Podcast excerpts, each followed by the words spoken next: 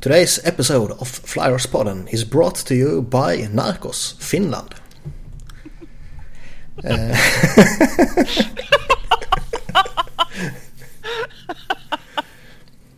yeah, th- this is an, uh, a new all English episode of Flyers Podden. Um, I'm Niklas, and as always, I'm joined by my partner in crime, the guy laughing, Johan. Gotta love cocaine. Yeah. Uh, and this time we have the pleasure of welcoming England's leading Flyers man and the athletic contributor Alexander Appleyard. Eh, tack för att du har mig på Flyerspodden igen. Det är riktigt, riktigt, riktigt bra att uh, snacka med dig igen. Uh, kanske nästa gång uh, jag kan göra hela showet på svenska. Uh, men uh, kanske är två, två år. Två år. That's pretty good actually. Not that bad. It's like It's- I could understand you better than I understand Johan. Uh, yeah, Never make any sense. yeah. I, the only thing that's difficult is uh, the uh, maybe.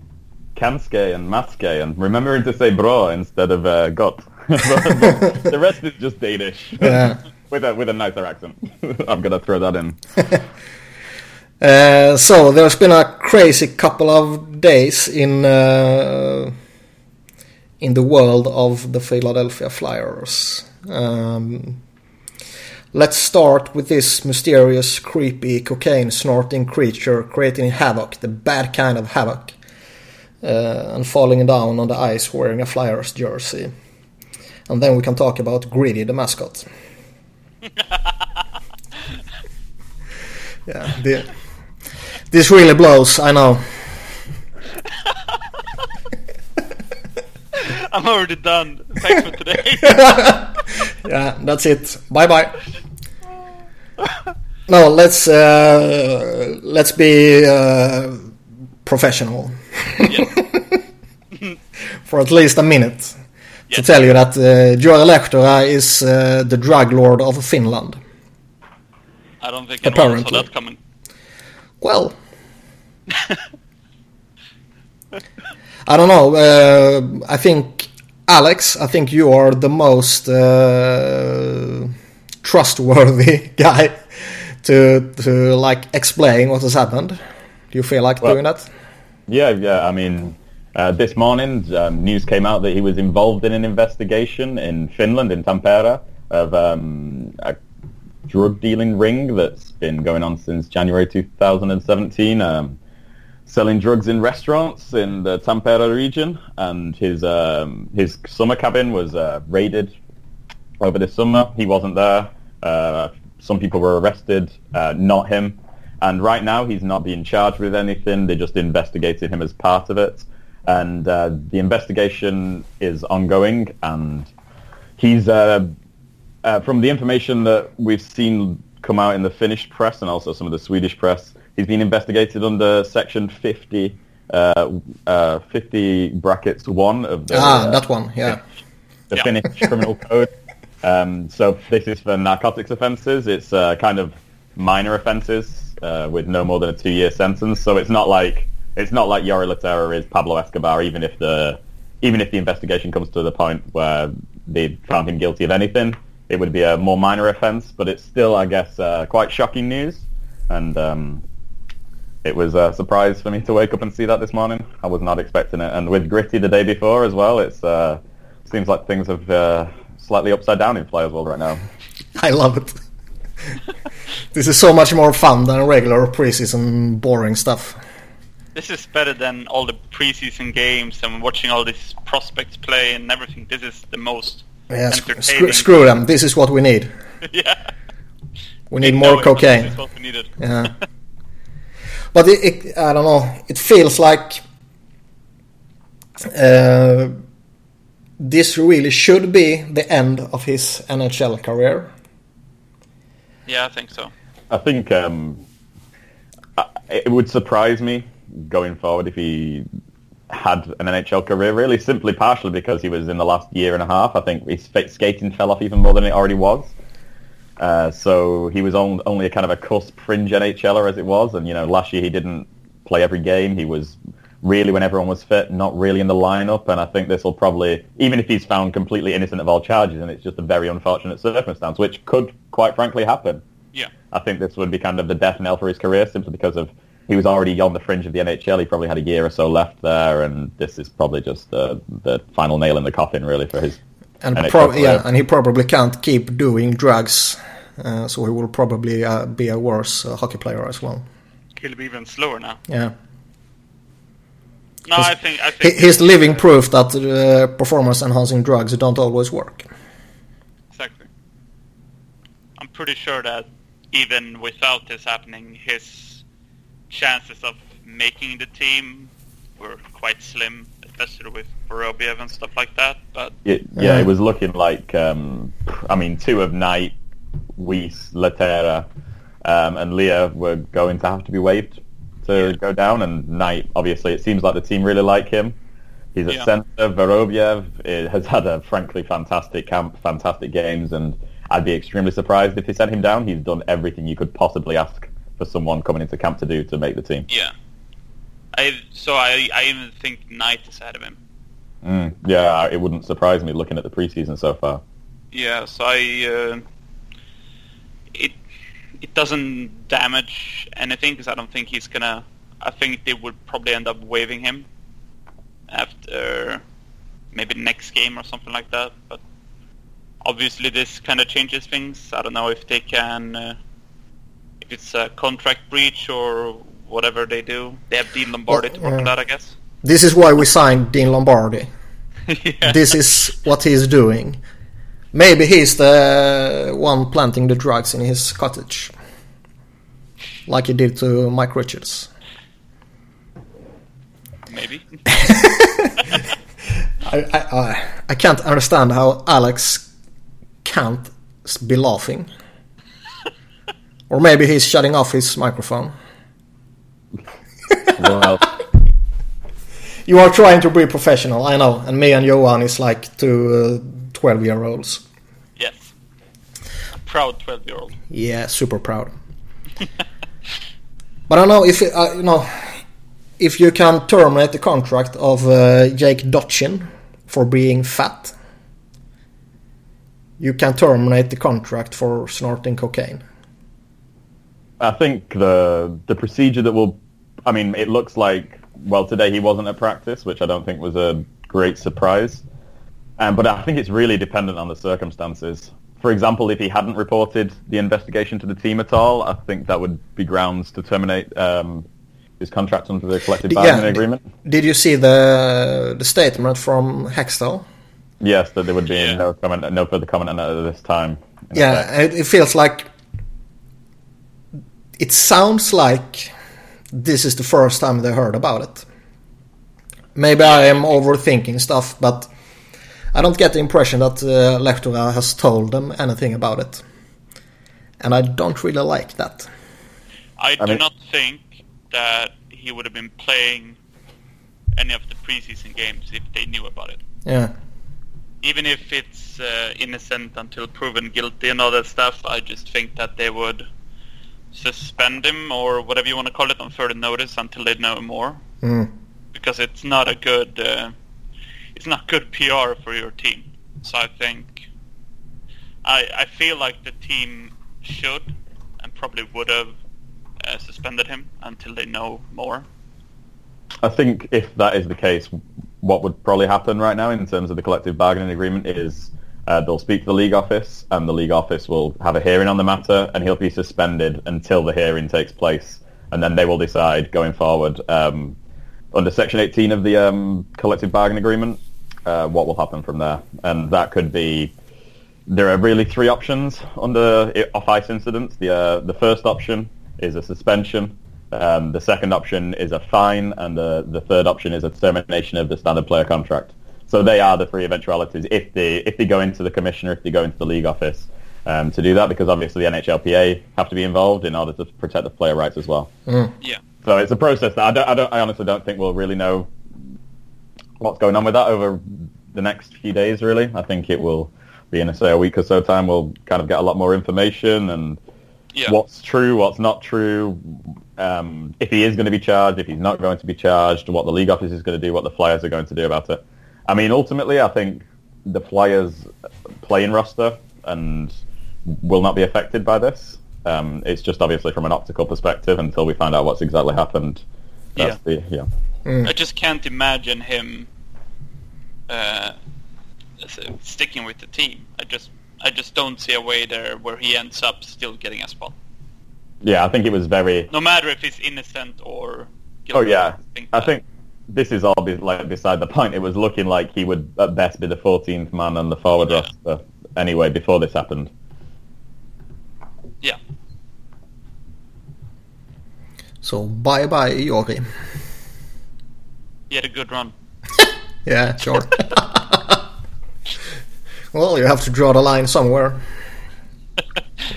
Lines. Um, yeah. Do we feel like uh, we need to screw around with uh, Lecter any more? Or do we want to talk about something else? I think we kind of covered it all. I think we will mention his name again. So let's uh, continue on to the second most crazy thing in the last couple of days. Uh, Gritty, the super awesome new mascot. Well, I think it was a shock for most people that they actually decided to have a mascot. I think it was an uh. extremely un-Flyers thing to do, really. Did know, you see? the last- yeah. Did, did you see the the rumors about them not wanting to have this crap, but kind of being forced from the uh, by the league? No, I didn't see that at all. But uh, There, there's like Facebook rumors, so it's not like it's Bob McKenzie tweeting this. but Yeah. Yeah, I'd be surprised. and- if that's true. they, they didn't want to have it, so they decided to make it as stupid as possible as a kind of statement. I mean, in general, I'm not a big of I'm not a very big fan of mascots or cheerleaders or any of those kind of ancillary things away from sport itself. Uh, for example, if people don't know, I also love football, soccer, and um, a Manchester City fan. I, I, I always really disliked the mascots. Like we have Moonchester, who's this giant alien blue thing, and it's just it's. I don't think even many of the children like it. So, you, you know, it's. Um, Yeah.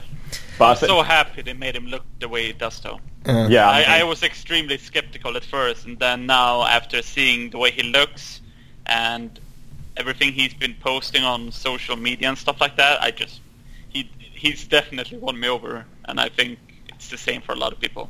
yeah, I think when I first heard about it and saw it, I was like, oh, this is ridiculous, and not so happy for it to be affiliated with a team I really care about and follow. But then over the last day, I think they've the Flyers PR team have done an extremely good job of turning something that could have been very negative in the fan base into as positive Yeah. as I feel it possibly could be. They've kind of tried to make it at least an embodiment of what people are, affiliate with the Flyers and the It all started, death uh, to the Penguins.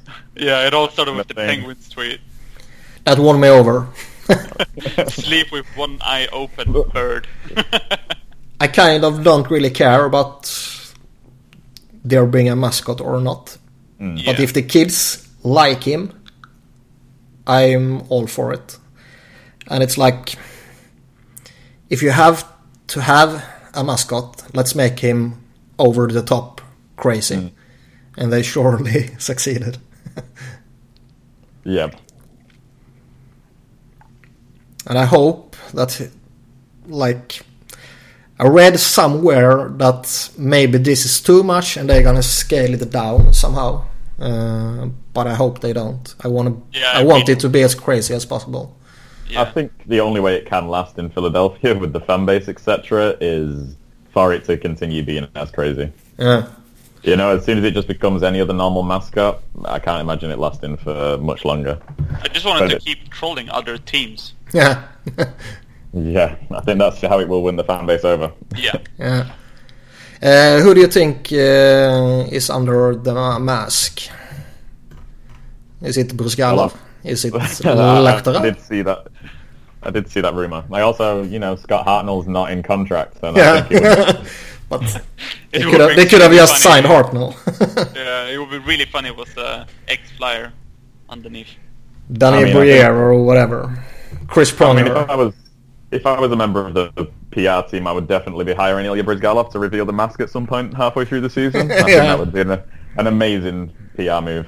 like like the uh, Top Gear when they did uh, the same thing with Michael Schumacher.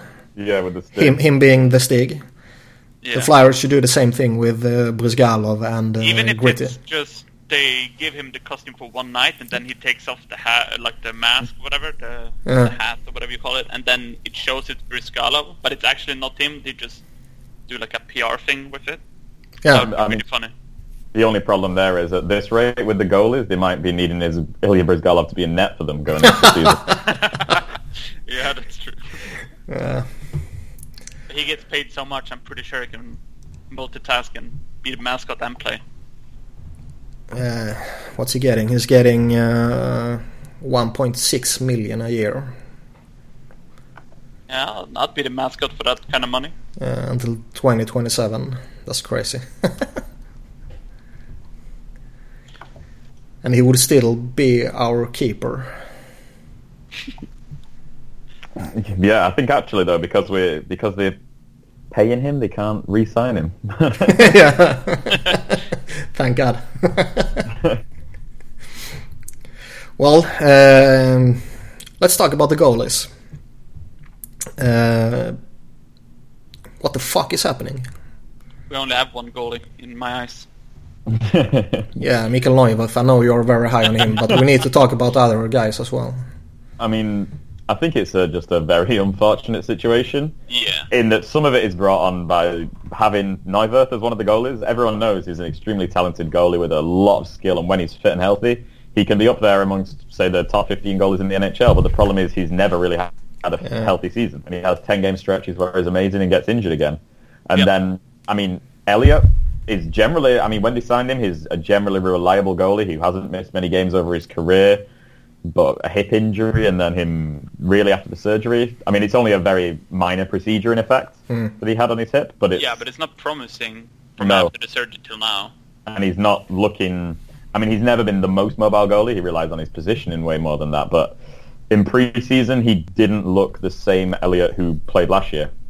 Yeah. It, it was. ve- I mean, obviously he's probably still at the end of his recovery period, especially with them kind of easing him in at the start of preseason. But it is a slight concern because you know last year he was a below average NHL starter, and if he drops off any more from that, you really can't rely on him to play more than forty or so games. Yeah. And I think that's the. I, I'm not. There's a lot of people talking about the start of the season. I'm not really too concerned about the start of the season. I think Elliott will probably be fit enough to play, and Stolarz, I think, showed the other year he was a more than capable backup, and in preseason he looked very good at times. Hmm. But it would concern me if, if after 30, 40 games or so, I think that's where you can start getting into serious trouble where goalies are costing you games. Yeah. So we got this thing where uh, Lehtera is a drug lord and uh, Elliott takes some time to recover, and there has been 23 suspects in this uh, cocaine. Uh, uh, I'm lost for words. What do you call it?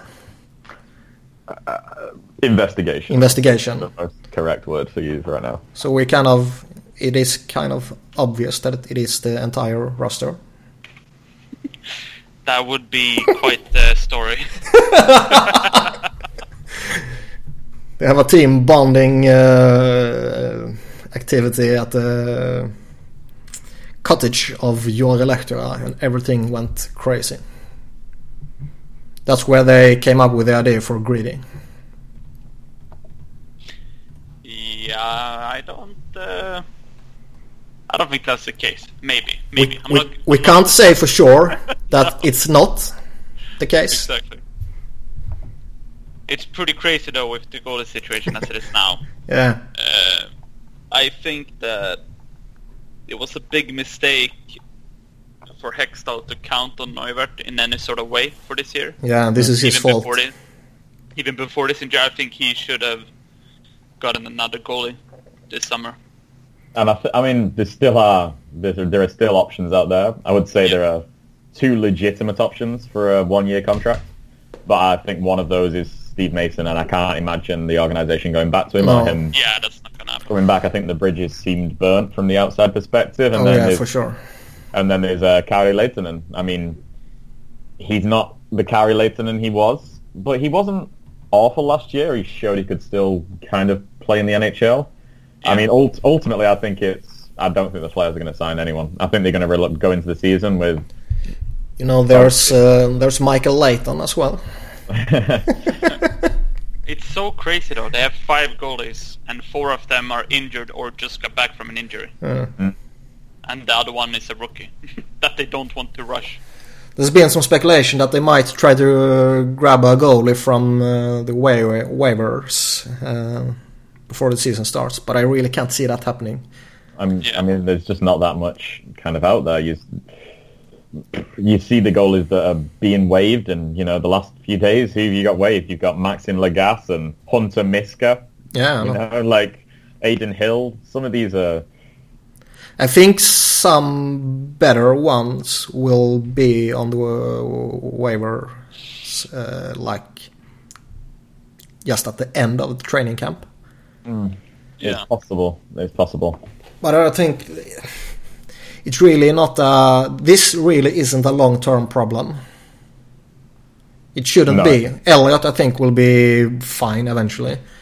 And uh, then we got Stolarz and uh, Hart and uh, Lyon. He's like Yeah, a few by, weeks by away. The sound of it, yeah, by the sound of it, Lyon will be healthy in a month or so, and he Yeah. showed last year he's he's not going to be, I don't think, an all-star NHL goalie, but I think he's more than capable of playing, say, 20 games a year and not Yeah. throwing games away. And I think that's the case with, I would say, Lyon and Stolarz. I think Stolarz has a slightly more potential to actually do something with his career simply because he's a he's a physical freak. You don't Yeah. get guys who are six six and 230 pounds or whatever he is who who move that well, and he moves very well. Uh, so I think there's the potential there if he figures things out, stays healthy, for him to be a solid goalie in the Yeah. NHL and play a bit more. But I mean, he might get his chance this year. He really might get his chance.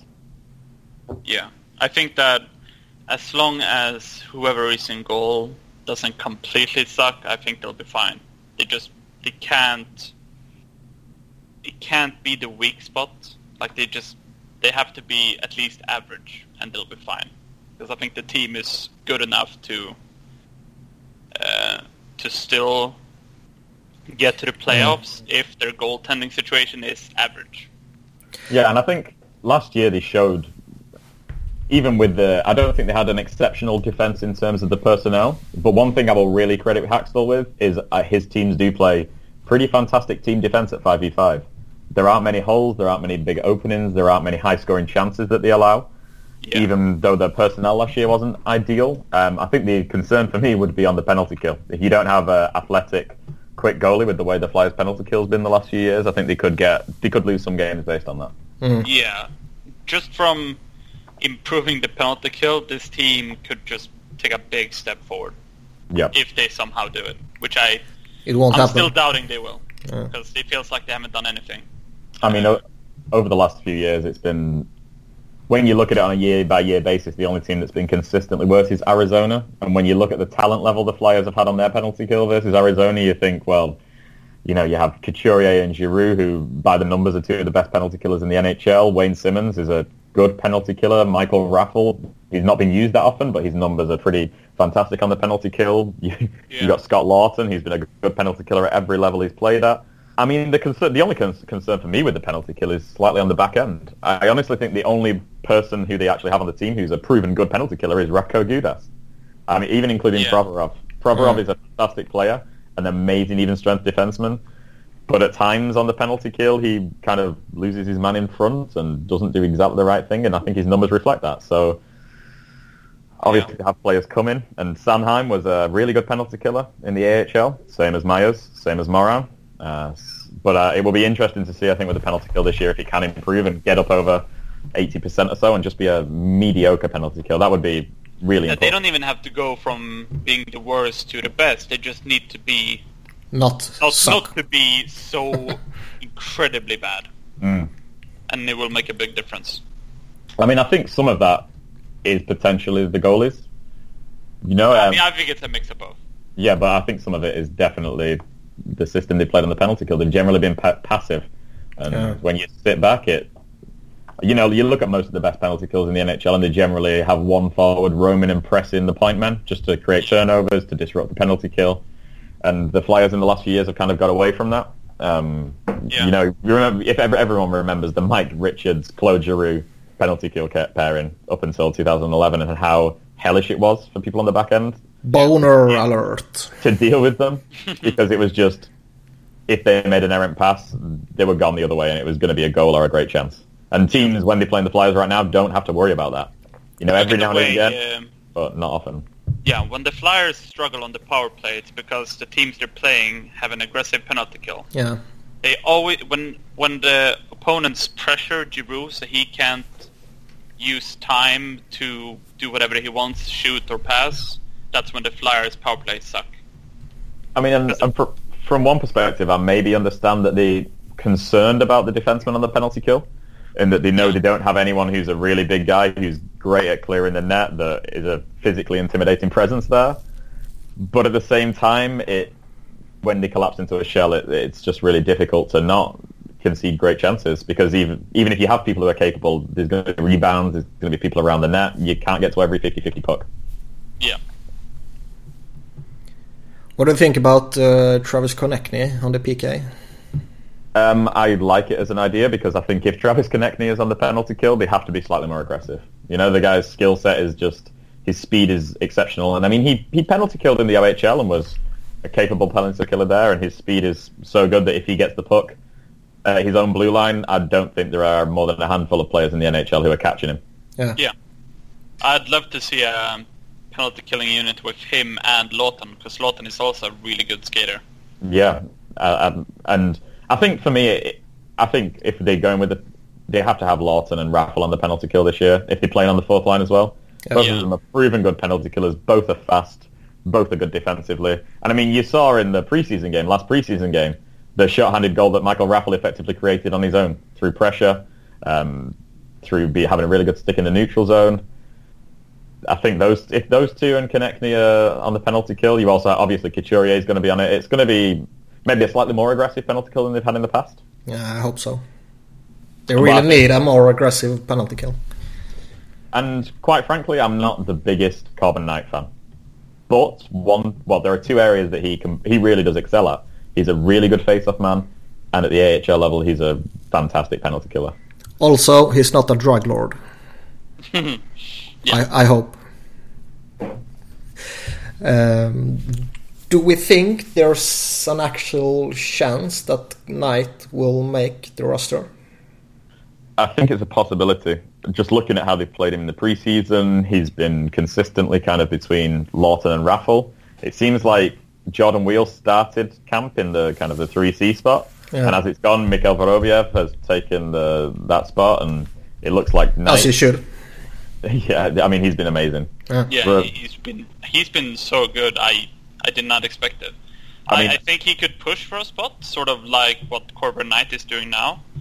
But the way he's been playing, I'm I'm lost for words. I'm As a bona fide impressed. NHLer. Yeah, Yeah, I, I mean, I'm impressed. I'm and I, I was high on Vorobiev for a while, and I'm really impressed by his play.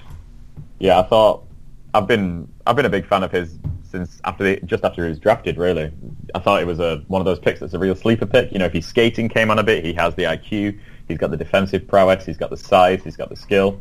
But I just didn't think he'd be this good against NHL competition so soon.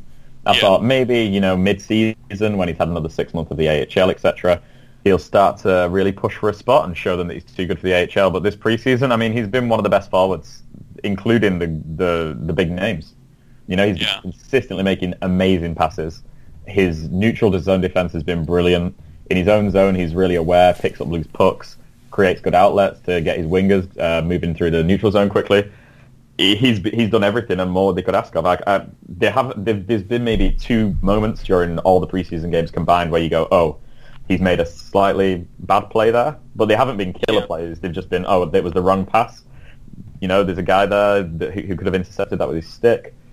But it's been such consistently good work. It, it, it's it's unbelievably impressive. What I really like about it as well is it doesn't matter who he's had on his wings, if it's Giroux or someone else who is not as good as Giroux, because obviously having Giroux on your wing kind of makes it easier. So no matter who so. he's been playing with, he's been really good. That's What's what all, also what's, like. what's also impressed me is actually he's shown um, intention to shoot, and that's one area at times in the AHL and the KHL and the MHL and World Juniors where you go, you know, it would be nice if he showed shot a bit more because ultimately he is a pass first guy. He's never going to be a guy who gets more goals than assists, but it's Yeah. nice to see him get the puck in the slot and just immediately put it on goal. Nice to see him get the puck in close and just try and put it on goal instead of a fancy pass. It, it I think it shows even more maturation in his game and his IQ evolving even more. Yeah, it feels like he. I haven't watched him all too much since the World Juniors, but it feels like he just. He's the same player that we used to be at World Juniors, but now at a much higher level. Yeah, So he hasn't changed his game. He's still the smart two-way playmaking center kind of. yeah, I think it would also be interesting to see if they try and use him on the penalty kill. Obviously, he doesn't have the speed of some of the guys, but you know, at junior level, he was a really good penalty killer. He penalty killed in the AHL, so I'd be interested to see over the season. I guess they try him at some point. But I mean, it's I don't. On one hand, I'm surprised, but when you look at what he did in the AHL last year, I think he had a really under the radar, fantastic season. I mean, shout out to Brad Keffer who keeps uh, the fancy stats uh, Yeah. website going, and you look at the statistics that he put up last year, the underlying numbers were through the roof. I mean, his 5v5 Corsi for percentage was almost 56%, the best of anyone on the team not named Travis Sanheim. Uh, you look at his relative Corsi for, s- plus 6.1, once again, the best on the team of anyone not called Travis Sanheim. it's, you know, and he was a, he played fantastically at 5v5, even though for a lot of the season he was shutting down the best players in the AHL. Are you telling us that Sanheim should be in the NHL? Uh, I think it. I think No, it's that can't be it. possible. I think it's possible. Nah. But yeah, I think I think he has um, the 3C spot on lock now. Yeah, I think it's his. Unless he completely falls flat on his face and is Yeah. responsible directly for a few goals against in the next few games, or his conditioning starts to lag in the camp itself. I mean, they've been playing him in enormous minutes as well. They they're playing him. They've been playing him 18, 19, 20 minutes a night. Yeah, and it seems like when the Flyers have done that previously with guys like Provorov and Konecny, it's um, an indicator that they are just saying, look, this is basically your spot now. We think it's your spot, and if you can just keep playing the level you are, you, you've got it. Yeah, it's So his, I it's his uh, spot to lose. Yeah, yeah, I will be super stoked if he make the team. I think it will add some excitement to the start of the season, and also it, I think in terms of because the Flyers' winger depth is so deep. I mean, we're looking at starting the season with Scott Laughton and Michael Raffl on the fourth line wings, and those guys, by all the numbers, are solid third line wingers. yeah. So having those two on the fourth line, and I mean, you're probably looking at Lindblom and Simmonds on Vorobiev's wings to start the season. That's some two people who are primarily goal scorers on his wings, and he's primarily a playmaker.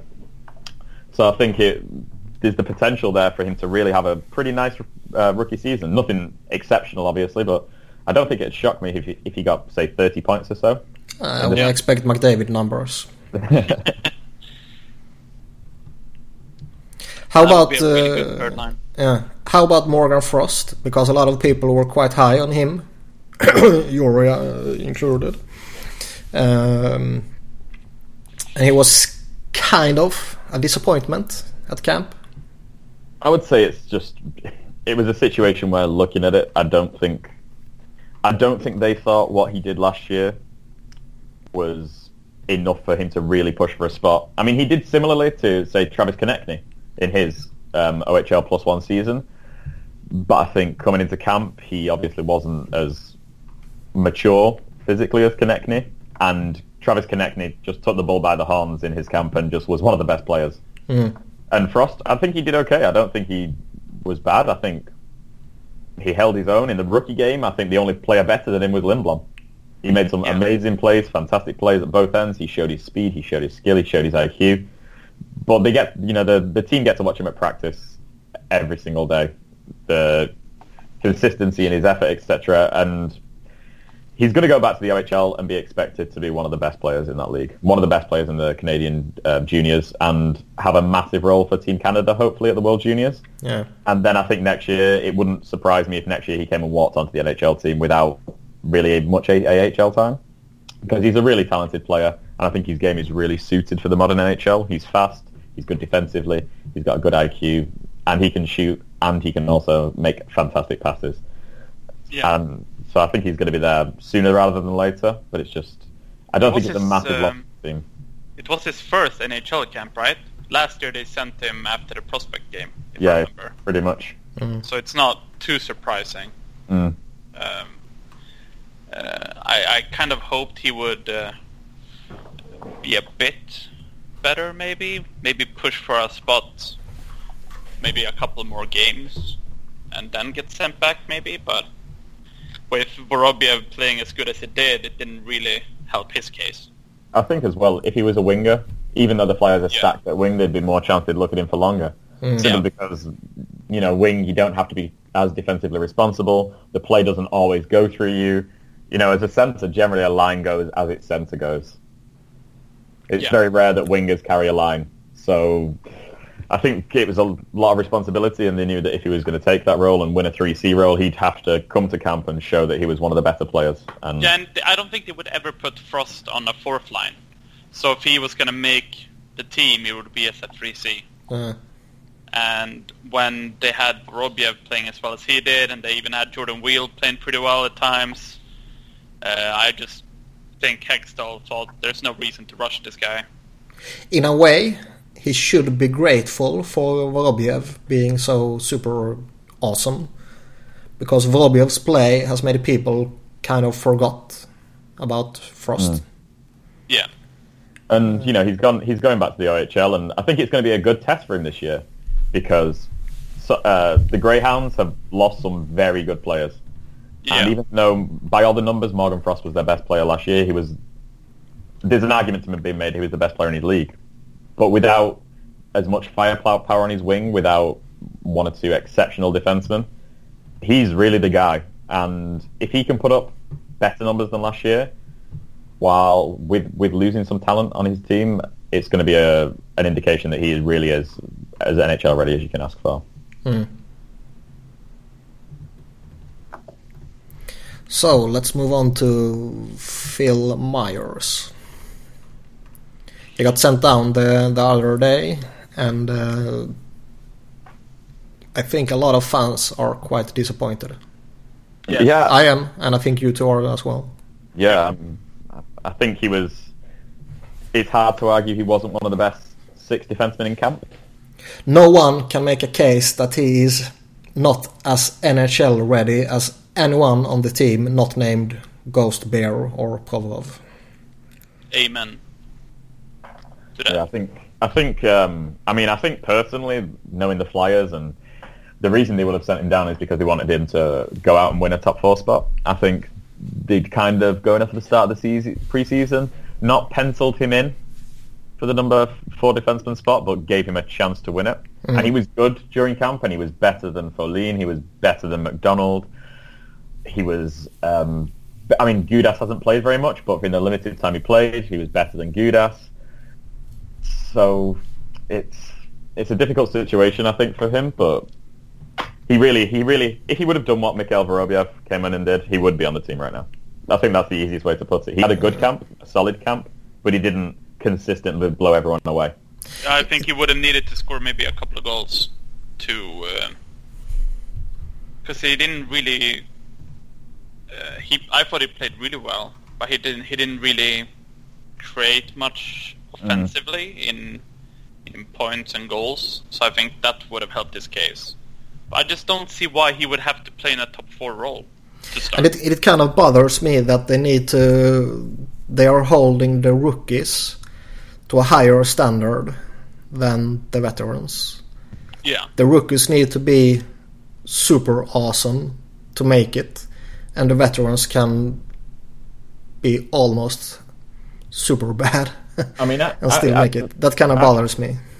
It was interesting actually. It's because there was um, the article, kind of the behind the man Dave Hakstol the other day, which was a very interesting read. Yeah. Uh, and during that article, uh, the, I think it was uh, referring to Gostisbehere, and the article it didn't say that Hakstol said this, but the article kind of implied that you know the core players, the players who are part of the franchise going forward, the guys who are going to help them win if you do win, um, kind of held to a higher standard in effect.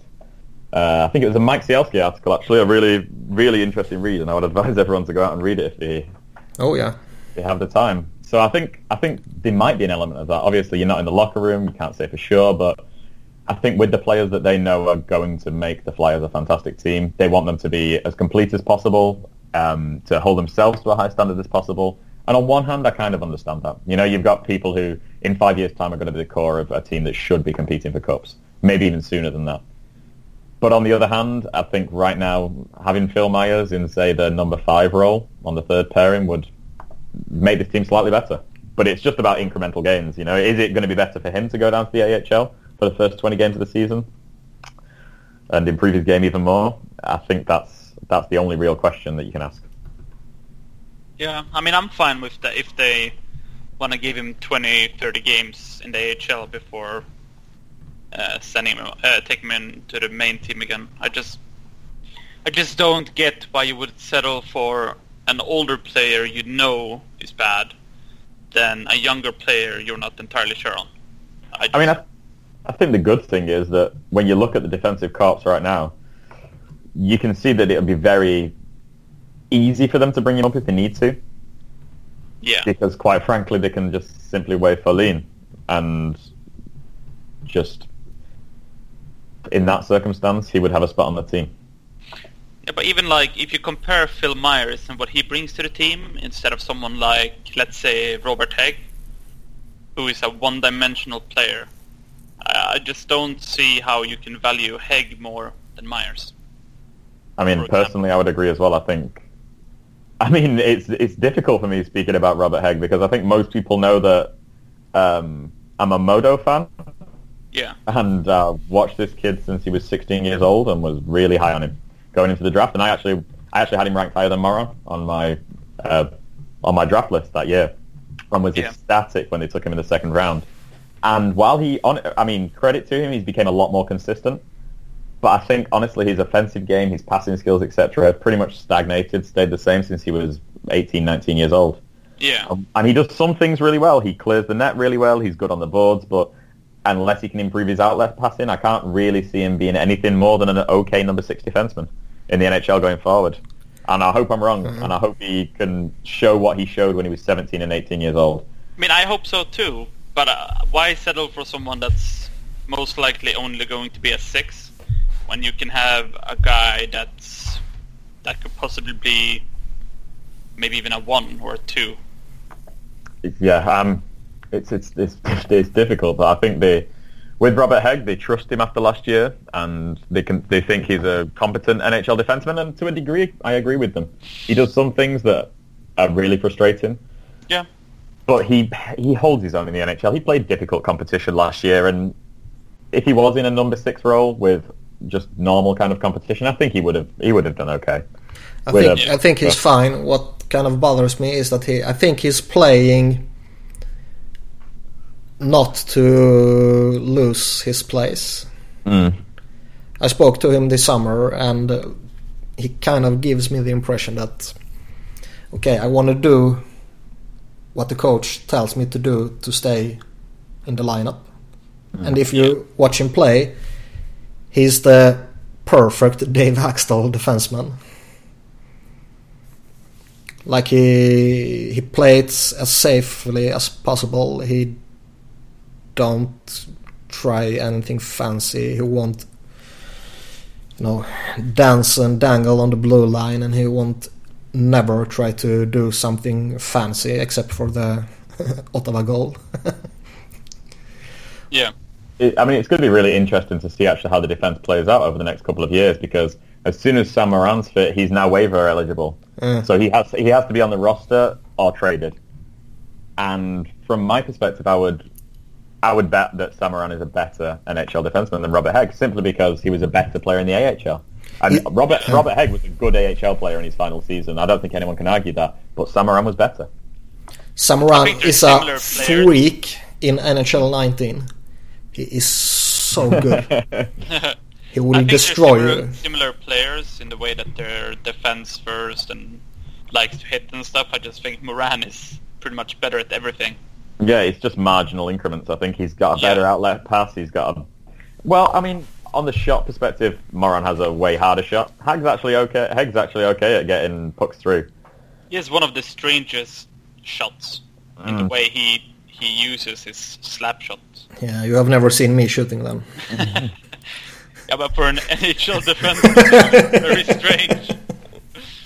Uh, And, and then you have more guys coming. I mean, Mark Friedman has had a really good camp, and he's also a righty. Yeah. And he's also impressed. and I think with a lot with Mark Friedman, it's just a maturation thing. Yeah. You know, he's he, he has the physical ability to play in the NHL. He's an amazing skater, a, a, a far better skater than I think most people realize. His backward Yeah. skating and his agility is it's immense. I, I wouldn't put it past him if they were having a backward skating race on the whole Flyers organization that he'd win. like he's, I, I see him as a Gudas replacement. I think they're sort of similar, except I think that Friedman, since he's a better skater, I think he'll be better. yeah, I he think can recover much, much better than someone like Gudas. But they're pretty similar. And coming back to Sweden as well, I think you have Linus Högberg who, going off the start of his season this year, it, it wouldn't completely shock me if next year he goes straight into the AHL and is their best defenseman. If I mean, it's it's absurd what he's accomplished in the, over the last the space of the last year, and his skill set is fantastic. I mean, I don't think he's going to be anything more than a solid second pairing NHL defenseman, but he has the skill set where you go in the modern NHL with that skating, with that outlet pass, with that kind of defensive awareness, with that kind of ability to replays and use his stick or his body. Yeah. He he could. I, I, it would surprise me right now if he is not an NHL level defenseman, and he's right now playing for arguably the best team in Sweden, arguably the best team in the world outside of America, outside of the NHL and the KHL. And at the start of the season, he's already forced his way into a top four role. In the first two games of the season, he averaged over 20 minutes a night on a team that is a lot of players who could play in the NHL, hold their own in the NHL. So it's going to be very interesting to see how that plays out. That's pretty solid for a fifth round pick. Yes. Yeah. He's playing in my hometown, so I really should start watching him. Yes, you should. But they are so boring. Well, I mean, try. some, something's going to have to something's going to have to give on the defensive front in the next few years. Even if you know the, even if once MacDonald's gone, even if they trade Gouda, there's still there's Yeah. still a lot of talent coming, and someone's going to have to move. And it was going to be interesting to see who is moved. Um, you have the expansion draft that's seemingly going to come into play with Seattle coming into the league. I mean, they're, they're going to have assets to be able to, I think, keep who they want to keep. But Yeah, I think they'll probably be making a deal. And I would guess that if something has to give, it's going to be Sam Morin or Robert Hagg. They would be the most Yeah. like my estimation. Yeah. Especially since neither were Hextall picks. Yeah. Yeah, I wouldn't cry all too much if they lose uh, Robert Hagg in the expansion draft. Yeah, I'm still kind of hoping Morin can become a solid NHL defenseman. We've been waiting for so long for him to play. And I think, you know, he, he's only had very limited NHL cameos, but he Yeah. played really well in these cameos. And Yeah. last year, when he played in the AHL, he was really good. You know, I would he- say he won a spot in the NHL roster last year, if not for the injury. Mm, I mean, Yeah, I'd say so. I I mean, he was what 0.5 points per game Uh, as a six foot seven defenseman in the AHL who wasn't getting power play time. He he played really well at that level. I think only really Sanheim played better than him on the defense. I think he outplayed, even though Myers played less games. I would say Morin marginally outplayed Phil Myers last year in the AHL. I mean, it's it's a, it's a good problem to have having that glut of talent, but it's just simply who's going to give when the spot when it, when it comes to it. I just feel like he would help the penalty kill. Oh yeah, is the he would fix the penalty now. kill by himself. Yeah, sort of. just play him the full. But you know, minutes. in a way, he's like a poor man's Chris Pronger. By no means am I saying he's the new Chris Pronger, but like in his playing style and his movement and his physicality and his like his how do you say his his physical presence. Mm. Yeah. It just yeah, he's a poor man's Chris Pronger. A very poor man, but still a poor man's uh, Chris Pronger. I mean, you, you see even in the AHL, when he's around the net, players generally think twice about going and battling for that space simply because they know 90% of the time they're going to lose that battle. And it's been such a big problem for years now in front of the goalie that Yeah. the opponents have it way too easy to either redirect shots or rebounds or anything, and that is something Sam Morin would never allow. Especially now when Gudas is playing uh, like a new worse Godas, eller Gudas. Yeah. Uh, I think it's one of the kind of the interesting points at the start of the season, actually, how Radko Gudas is going to play. Yeah. Because if he plays the way that the Radko Gudas before Christmas 2017 plays, he's a very, very good number four defenseman in the NHL. Oh, yeah. And kind of a unique one. But in the last Yeah. half of the season, he just didn't look the same player. Um, I mean, the positive was, I mean, I watched him in person at the World Championships, and obviously it's a very different game on bigger ice, etc. But he was he was one of the better defensemen in the tournament. Consistently good. He looked more of himself. Was physical, aggressive. So, and it, it was also. It, it, I'd be interested to know how much of it was the partnership with Manning, because are telling us Manning isn't a super defenseman? I mean, I think he's Manning's an NHL quality defenseman as a number six or so, but I think their mesh of styles just didn't work. You have Manning who jumps into every single play, and you have Gudas who loves getting into the neutral zone and being aggressive, um, hip checking people, putting people against the boards, denying the blue line, which is a really nice ability. But when you have, Yeah. have the defenseman on the other side who's trying to jump up into plays, if one of them makes a mistake, you're going to have a two on one or a two on nothing. And I think that happened especially in the playoffs I feel like once a game. Yeah, it, I like the Sanheim Gudas pairing. I think they were Mm. good, and they really should put them together at the start That's the of this season. pairing I want. Yeah. Yeah, I think that it showed flashes last season of being a really good pairing. I mean, they got easy Yeah. usage, but it looked really good, and I think they've played together quite well. And I think that when Sanheim's on the ice, Gudas knows to sit back and just let the kid do his thing, and Yeah. Knows that he doesn't. I mean, he's a Sanheim's a big kid, but he's not. He's not Phil Myers in terms of even though they have a very similar style of game.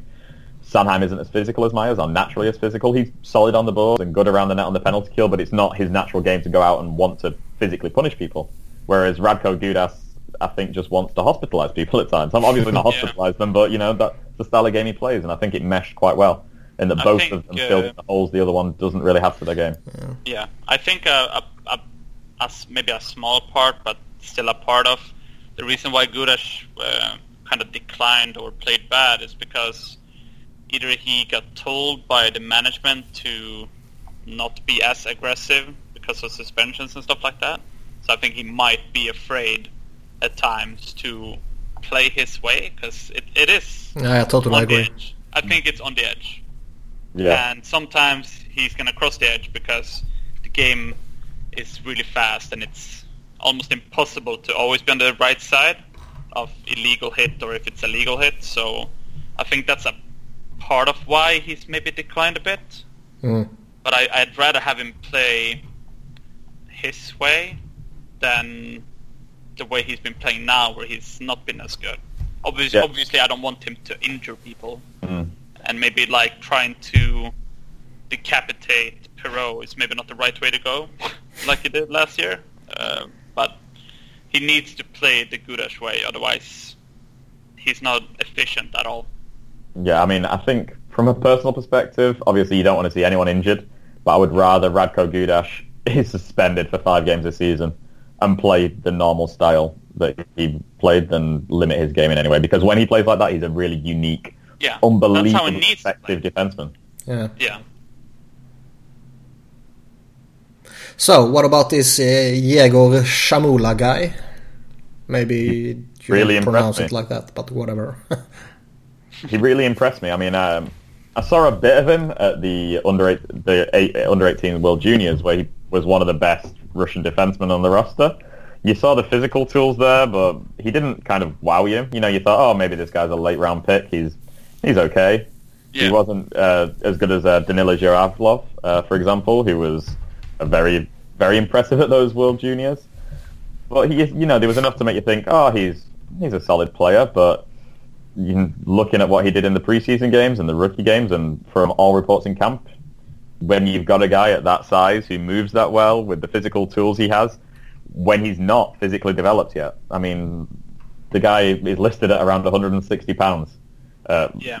one meter 90, and I think if he can grow into the frame even more with the skating and the skill set, he could down the line be a legitimate prospect to make the NHL. I think it's worth to give him a entry level deal. I thought he, during the preseason games and the rookie game, I think he played a mature game. But if he fills out and adds muscle, who knows what's what that's gonna do for his development. We kind of need to fill up with uh, defenders as well. The last Yeah. couple of years we have been very uh, focused on forwards, centers and wingers in the draft. So now we Yeah. kind of need to stock up on defensemen again. So I think as I well like with- it. with the way the 2018 draft fell. They got some defensemen, but obviously they were kind of mid-round, no one with obvious top four potential, apart from, say, Ginning, I think, can be probably a number four defenseman Yeah, if maybe. he, if he really hits, you know, if he... But apart if he from that, exceeds expectations, sure. Yeah, yeah. Uh, whereas you look at the other guys and they, they, they, pro- they projects. They have something wrong, with, and obviously it's because of where they were picked. Yeah. You can't expect guys who were picked in the fourth and fifth rounds to all go on to potentially be top four defensemen. You know, not everyone's a Linus Högberg. it's not. It's not possible. So I think it's nice to have another roll of the dice with a player with legitimate tools who can potentially in the next few years uh, up his stock. I think Yeah. it's worth the risk. It's the exact same situation as it was with Myers. And I, I'm not saying he's going to develop like Myers, but who knows when, as I said, when he adds muscle. Uh, because already he's playing a pretty all-around game. But Mm. maybe he will take a big step forward. I think it's worth the the risk of one contract. especially when you look at kind of the Flyers drafting over the last few years and their evaluation of players. Yeah. You've you've start you've started to get to a point where it, it, it's began to get slightly ridiculous in terms of versus the versus the law of averages. You're having guys who, I mean, you just look at say the 2014 draft. The only player it's looking like from that draft who wouldn't be able to hold their own in the NHL is Radel Fazleev. Because, I mean, Jesper Pettersson was one of the better defensemen in the Swedish Hockey League last year. Even though he's been let go and I don't think he was NHL material, he could. He's still a very good defenseman. You look at the 2015 draft and it's the same story. You know, the Sam Dove McFalls is the only one who looks like he doesn't have an NHL future. But he has got the Marody- best name. I mean, even Cooper Marody, who they traded to Edmonton because they just simply had too many prospects. Yeah. Yeah. He was, you know, he was making a push for the team in camp and has potential. So, I mean, you've really got to start trusting the Flyers scouts at this point because their hit ratio since Hextall took over is starting to look. The fact that they're just not having busts is the most impressive thing. You know, every single draft there's maybe one player who you know is not going to make the NHL two years after. Whereas before that, within a year, you'd be knowing that two or three of the draft picks would never make the NHL. Yeah.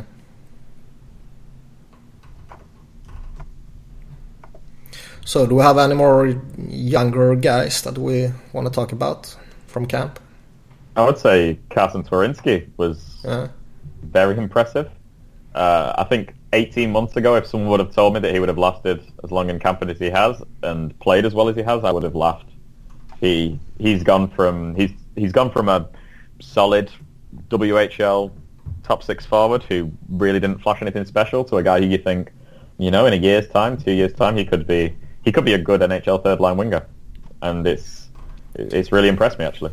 Is it fair to say that he is what Dave Hakstol think that like Chris VandeVelde is? I think he, I think he has the potential to be that kind of player. You know, a a gritty winger who can penalty kill, who can Gritty.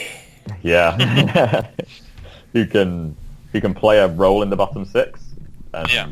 and also has some skill as well. I mean, this is a guy who scored a lot of goals at the junior level, and, and yeah, it's easier to score goals at the junior level. But he looked impressive as well in his um, in his uh, Lehigh Valley Phantoms kind of cup of coffee last year, even though it was very brief. Mm. Yeah. So, yeah, he's a he's a legitimate prospect. And the other young player who I I, I honestly just feel kind of kind of sorry for is Nicolas Aubé-Kubel. Uh, I thought he was one of the best players in the AHL last season. He was amazing at 5v5. At one point, he was leading the AHL in 5v5 points, not playing any power play, but still providing defensively. He's a good penalty killer when he does penalty kill. And then he came into camp, and I think he did pretty much everything right. There weren't many bad plays, maybe one or two. He was constantly on the right side of the puck. He created chances, but just none of the pucks went in. And I think, honestly, if one or two of those pucks had gone in, he, he could still be at camp and looking at winning a job. Yeah, I think that Twarynski and uh, Aubé-Kubel, maybe not this year, but next year or even the year after that, I think they'll be the the natural replacements for someone like Raffl or something like that in the the bottom six. Yeah, as much as I love Michael Raffl and want him to be a flyer until pretty much he can't play in the NHL anymore, it wouldn't surprise me if a guy like Aubé-Kubel comes in uh, next year and takes that kind of spot. Yeah, and I'm fine with that because I think there there's similar players um, in the way I kind of see Aubé-Kubel as a Matt Reed in the earlier earlier NHL days as a, as his potential possibly. I would I would say it's not a crazy comparison. Yeah. Um, I just think uh, if Matt Reed had uh, a far more physical style. Uh, yeah, I'm, I'm more physical, but yeah. But yeah, um, he he was really impressive for me. Um, he showed that he could, I think, play in the NHL, and I think that's the thing that he'll take away from the camp, and the Flyers will take away from the camp. That Yeah, they know that if someone it, goes down, it was- he like he didn't blow the door down, Mm. uh, but I think that he showed that he's probably one of the first call-ups if they need a forward. yeah, I think he right now he is the first call up in, if they need a forward from uh, Lehigh Valley Phantoms, or well a winger. Um, Yeah. And I think he could come into the NHL, play in a bottom six, and do a really good job right now. Mm. So anyone else of the younger kids? From camp, I mean, there's obviously one name that we've not really spoke about at all so far, apart from a very brief, who's been Carter Hart, who, quite Ah, frankly, quite frankly, in preseason has looked who's that? exceptional. It's it's obviously only preseason, and he's very young. But uh, Come on, he's he's already better than Martin Brodeur and Patrick Ryan and all those guys. I mean, You know I it, think- I know it. Even Johan knows it. Yeah, I mean, I think what I would say is, on merit, if there were no other considerations, he'd be the Flyers starting goalie going into the season because he's clearly been the best goalie in camp, and I would say Stolarz has been second. Mm. I think that he, if he had had, if this was next year and he had had a full season of, let's not say he had his WHL numbers, but he had had a solid first AHL season. Mm. I think that he would be one out of two, for sure. Now. Oh, Yeah. for sure.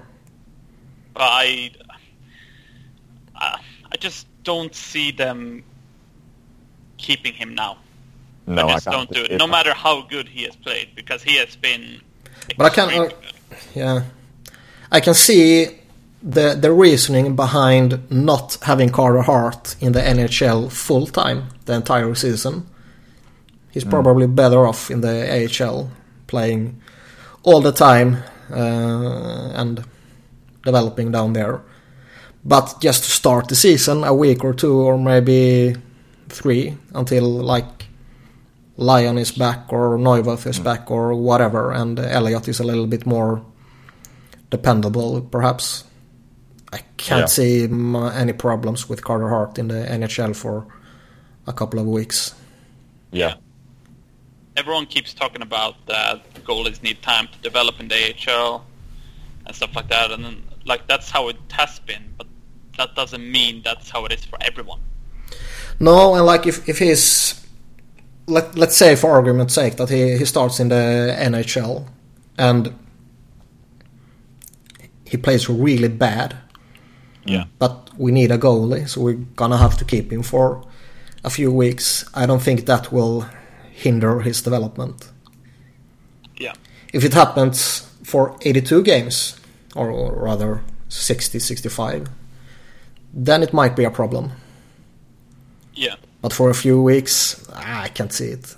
Something that makes me less worried about him being ready or it hindering his development if he played bad is a big part of why uh, why I think he's been as good as he has is the mental side, his mental toughness. And there's been articles and there's been a lot of praising about how mentally tough he is, and that he has that I can't remember the name, but the the mental coach he has the same as Braden Holtby stuff like that. Uh, so I don't I don't think it would be a problem at all, even if he let's say he starts with in the NHL and he plays five games and he has five bad games. I don't think that would do anything. Well, he gotta be mentally strong because he's met me like twice. and he, he can still play Yeah. pretty well. So Yeah. I mean, he's ready. he's completely I mean, I ready. I would say what the fly, I would guess the Flyers thinking is that they would rather him be playing 75% of the starts in the AHL to start the season Yeah. than one in every three games for the Flyers or so. yeah, but uh, for two weeks, Mm. nothing will change in two weeks. yeah, but the, the like the situation is now with goalies being injured and Elliott not playing extremely well. So if he continues to struggle like he has since his surgery, I mean, you kind of want your best goalie to play, and the question is, is he the best goalie right now? Hart, Yeah, right now, yes.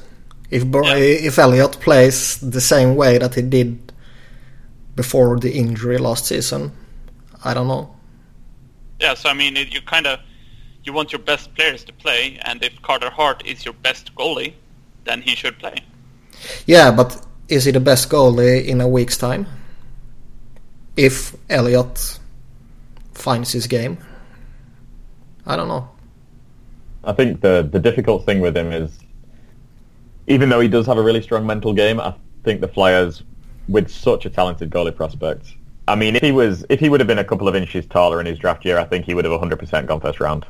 Hmm. He, you know, the people people have been talking about him since he was 16 years old in terms of his talent level and what he what he could do and where he could go, and I think I understand the reluctance to rush him Yeah. simply because even though he's a mentally strong kid, he's dealt with the pressure of a World Juniors on two occasions. You know, he's got coming to an NHL training camp against pros and looks the part, looks better than the part. But I think they're probably thinking, you know, what's the harm in having him play half a season in the AHL? And if then he posts a .920 save percentage in the first 20 AHL games while looking great, I think they will then go, okay, well, probably this kid is NHL ready and we can start to blood him in the NHL. Yeah. I mean, that's the safe way of them handling that situation. I wouldn't I say it's it's the way they're yeah, and uh, and I wouldn't say it's a bad way to go. But I really can't see two or three weeks in the NHL hurting him. Yeah. But then again, like Stolarz has kind of deserved a shot as well. Yeah, I think in his preseason play he was good, and I mean in the NHL when he played in the NHL, his numbers were very good, but he didn't he didn't look as good Yeah. as his numbers. Yeah. But still, he's he's physically talented. I think he's he's more than capable of playing in the NHL.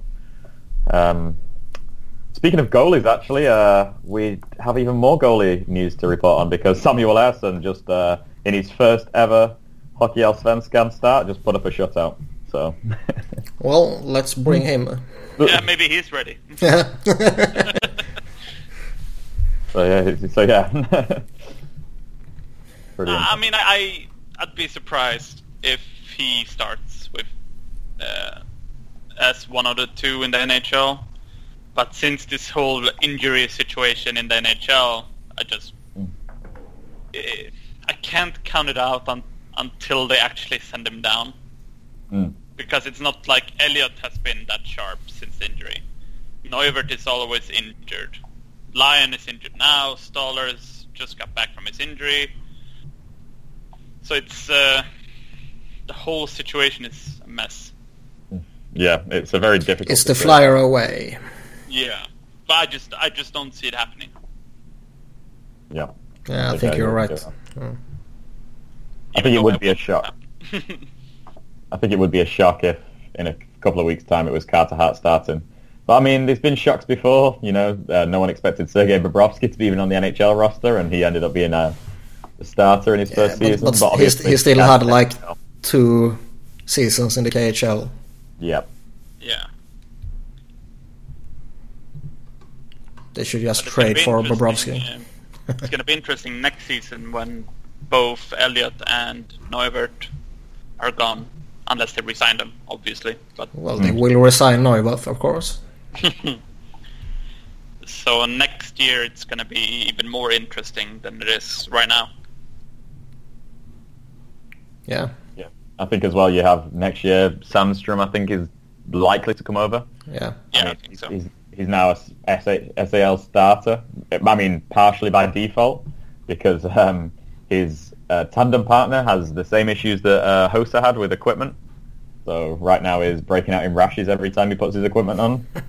But it's uh, You're supposed great to do that thing after your career is over, not before it has started. Yeah, but I mean, so it's a great opportunity for him to go and show now that he can be a very good SHL goalie because before his uh, hiatal hernia last year, he was looking like he was going to win the Brynäs starting job, Yeah, and he's got immense talent. I mean, from a purely physical talent perspective, I would arguably put him ahead of Carter Hart. The guy's in, im immensely agile and so good down low. But with him, his glove isn't as good as Hart's, and obviously he's had basically a year out, half a year out of hockey. yeah, so he needs to to have a good season. Mm. So, do we want to talk more about the goalies, or do we want to talk about some veterans? I would say one interesting point in in between that you can talk about for a short amount of time is Danick Martel and him being claimed Yeah, by sure. Tampa Bay. The next uh, Marchessault. I really hope not. Um, Well, he is. I don't. I actually don't think he'll be. I think he can become a. Depending on. Oh, you think he he's the next Martin St. Louis? with. I think depending on who he plays with, I think that he showed when he was with the Flyers that he is good enough to create chances. I just don't know how how much he will score of those chances. I think that um, I think he could possibly be a decent NHLer, but I don't think he'll be as good as Gourde or Marchessault or stuff like that. I think as well you've got to look at the Flyers. You know, where is there a spot for Danick Martel? Even if he is. No, I, I don't mind losing Yeah. him because Yeah. he Yeah. won't be on the roster. What I don't like is them losing him for nothing because I think that he has got some value. Yeah, You should be it- able to get a late pick for him or something like that. I think there was maybe the potential to pick up a late pick or a conditional late pick. Uh, I mean, he at the AHL level, he was a very, very good player. A great goal scorer, especially. Uh, really good shot, really fast.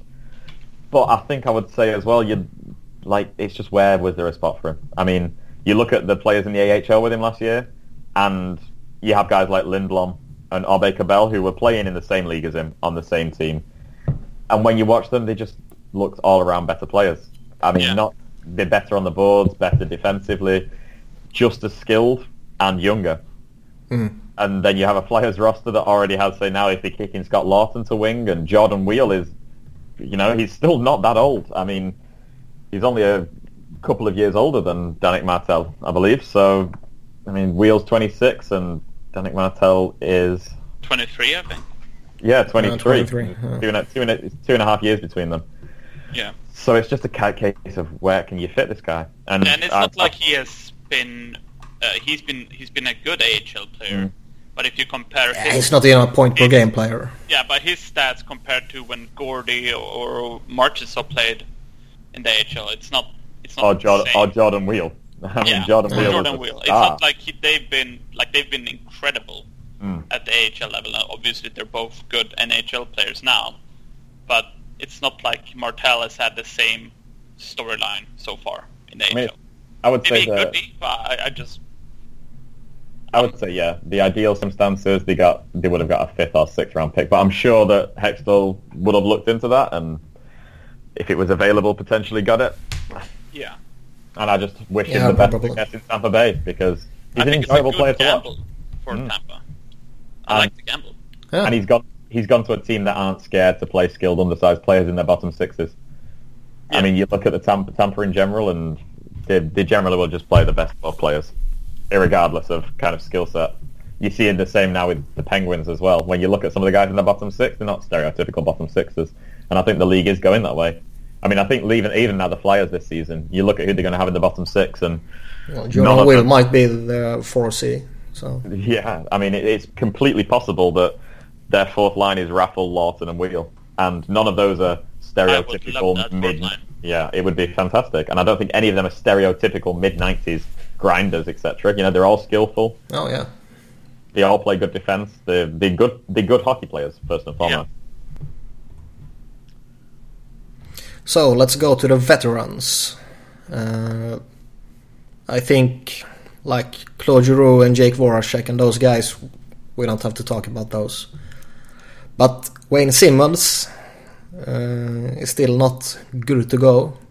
He will probably be able to, to play a game before uh, the season opener against Vegas. Do we feel worried they about said, him? uh, I think didn't Hextall say today that he was gonna play one preseason game? Yeah, they hope he can play the last game. But Okay. if it's Vegas, it's Vegas. I think he said. Okay. Okay. I mean, I'm not. I wouldn't say I'm worried about his performance and its impact on the Flyers. I think with the developments of the last year and Travis Konecny showing for since since since Christmas that he was a first line level winger in the NHL, Oh yeah. and J- Jak- Jakub Voracek is, has been one of the best, say, 10, 15 right wingers in the league for maybe five or six years now. Mm. Uh, uh, you know, he's, Simmonds is almost certainly going to start on the on the effectively the third line. So I wouldn't really worry about it in terms of his impact on his team. And I, I honestly, I still think he's at worst probably a 25, 25, 50 point, a 25 goal, 25 assist, 50 point, point player in terms of ability level. Yeah. But I think the the problem I might have got, he might have going forward is that he frankly just doesn't get the minutes to produce how he's capable of doing. Because right now they have James Van Riemsdyk coming into the team and he's been playing power play one all preseason and it's looked good. It's gave him a few different looks. Um, it's actually impressed me that with a lefty in the in the net front role, they've kind of ran a few new plays and some really interesting passes to open up Giroux more for one timers.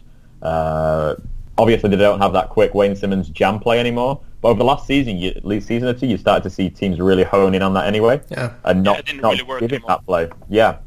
So I think if he if you lose him off uh, power play one, and you also have, I mean, Nolan Patrick did an immense standing job for Simmonds last year. He actually scored at a higher rate on the power play than Simmonds last year.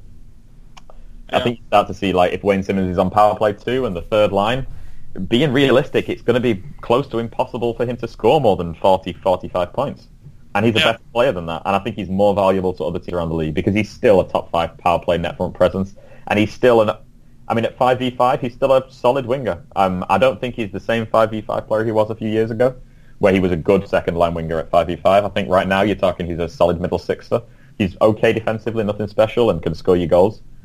But I think it's Yeah. just to get to the point where if he's your third line winger and your power play two net front guy, it, it's not worth paying him that next contract. Yeah, I think we're all on on the same page that trading Wayne Simmonds is the right way to go. I'm guessing. Yeah, I mean, I think that's the. Yeah. It, Un- unless, unless like Carter Hart plays his brains out in, in the AHL and uh, comes up around Christmas and we have a, a legitimate, you know, like, uh, how do you say it? Like a, Legitimate. yeah, uh, top goalie to make a Yeah. playoff push. And like Travis Sanheim is the the top forward D man that we need him to be. Then you maybe keep him yeah, to I make a playoff push. But if you're like a bubble team, you might make it, you might not make it. Uh, and just send him away at the trade deadline. Yeah, he's been a fantastic, fantastic flyer, and I Oh, think yeah. Oh, way we all better, way better than people thought he would be when he. I mean, if Yeah. everyone remembers, Brayden Schenn was the centerpiece of that trade. Mm. Yeah. And Wayne Simmonds has been a better flyer than Brayden Schenn, even though he's nowhere near as talented. He's done everything and more they could have asked of him. Yeah. Uh, but it's just, you know, obviously the franchise comes first. And, I mean, if he... I mean, I, I wouldn't hate him re-signing. I wouldn't completely hate it if it was the right, a shorter term. And, Yeah. you know, the, the kind of... But the problem is he was underpaid on his last contract. And, I think he'll get paid now, yeah, I yeah, think... I think so. long term. I mean, I think he could go out and get six million a year if he really I mean, they wanted. could they could still sign him and trade him. Yeah. Uh, so I mean, they could keep him for an entire year, sign him, and then trade him. So I mean, that's also a possibility. I think the the third line with Lindblom, Vorobiev, and Simmonds could be really good. Mm. Um, so I mean, I think the the right thing to do would be to trade him, even if it's after the season and you do a sign and trade. Uh, but I'm he was he had three injuries last year at the same time, the entire year, or something like that. Mhm. I mean, I mean, and uh, he what- still scored 24 goals and 45, six points. I mean, it showed his toughness at one point when he was doing post pre pre and post game interviews. He, he could hardly speak because of his mouth, but played through it all year. Yeah. So I mean, I'm I'm not worried that he's not going to produce this year. Mm. It might not be, as you said, Alex, about not having first power play minutes and stuff like that. That's going to damage his uh, production, but his value to this team is pretty high still. Yeah, What I do think is, I think he'll be either he'll be on the first power play and JVR on the second, even though I think JVR is going to be on the first. But I think that Simmonds is still going to be on the second power play, and I think it's going to be more even in time. Uh, before it was always power play one for basically one and a half minute, or even two minutes, depending on how the power play went. I think it might be more even now. I think as well now they have the personnel on the power play too, Yeah. where it should be a, one of the better power play twos in the league. And I mean, power play twos around the league don't score that many goals. I mean, you look at the best power play, the, the best second player power plays around the league, and you, they're scoring maybe 15 goals maximum over the season. A Yeah. good power play two is scoring 10 goals. But the problem in the last few years with Flyers power play two is they've been scoring four or five goals. You know, They let Uh, in more goals Yeah. than they actually. I Um, mean, if Wayne Simmonds plays on the second power play in his usual role, I'm totally fine with that because I I love Nolan Patrick playing that role because he was really good at it last year. But I would rather have him run the power play. I think as well from the preseason when you're looking at power play two, I've really liked that they're using Konecny and Patrick on their Yeah, their offsides. So both of them have uh, one-timers. And Yeah, I think that's why- where, where Power Play 2's lacked in the past. yeah. I think that why would you put Patrick in front of goal, even though he's good at it? Why would you put him there when you have JVR and Simmonds? Yep. Maybe And- Pat, uh, let's say we trade Simmonds, then obviously Patrick would be the obvious choice to put there. But while you still have both JVR and Simmonds, who are two of the best in the league and has Mm. been for years, I don't see why you would put uh, Nolan Patrick there, who could be equally, if not better, along the boards. Yeah. and I think it's going to be interesting to see who gets the last spot on that power play too. Because I Yeah. think right now you're talking Simmonds is when he comes back, he's probably going to be the net front presence. You've got Nolan Patrick on the right half boards. You've got Travis Konecny on the left half boards. Ivan Provorov is going to be on that power play. So it's going to be interesting because you have three guys who could potentially make a push for it. I would say. I think you've got Vorobiev, who's played pretty well on the power play at times in preseason. Mhm. You've got Lindblom, who in the SHL was one of the best power play forwards in the league from the slot, from the net front, and also off the right half wall. Yeah, And then you also have Travis Sanheim, who would And probably... Dale Weise as well. I'd love to see Sanheim. I Okay. think I don't think they'll do it because I think they'll go with one defenseman, and it's going to be Provorov. Yeah, I think you should go with one defenseman unless you are like the San Jose Sharks with Burns and Karlsson. Yeah, I mean they could. I guess they could split time between Sanheim and Provorov. I think that's that's what I would do. Yeah.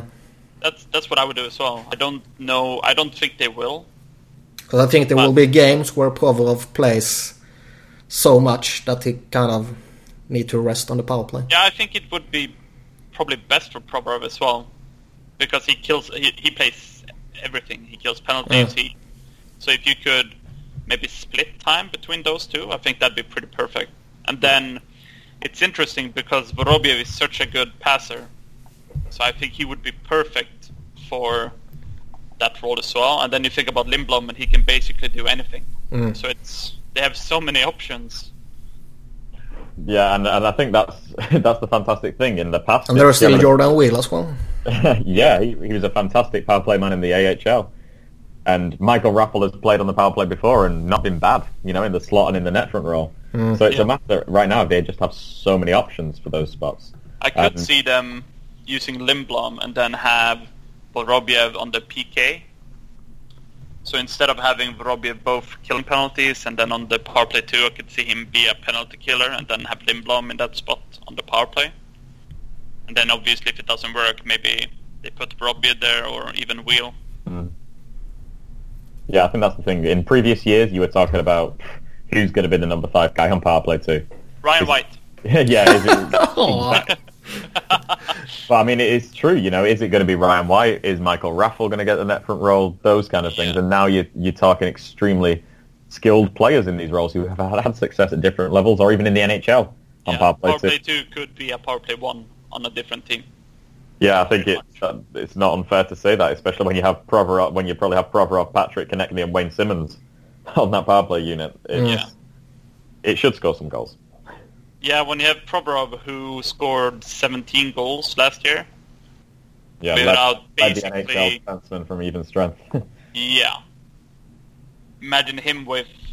I mean, you you don't replace Ghost on the first power play, but imagine Ivan Provorov with a full year on the first power play.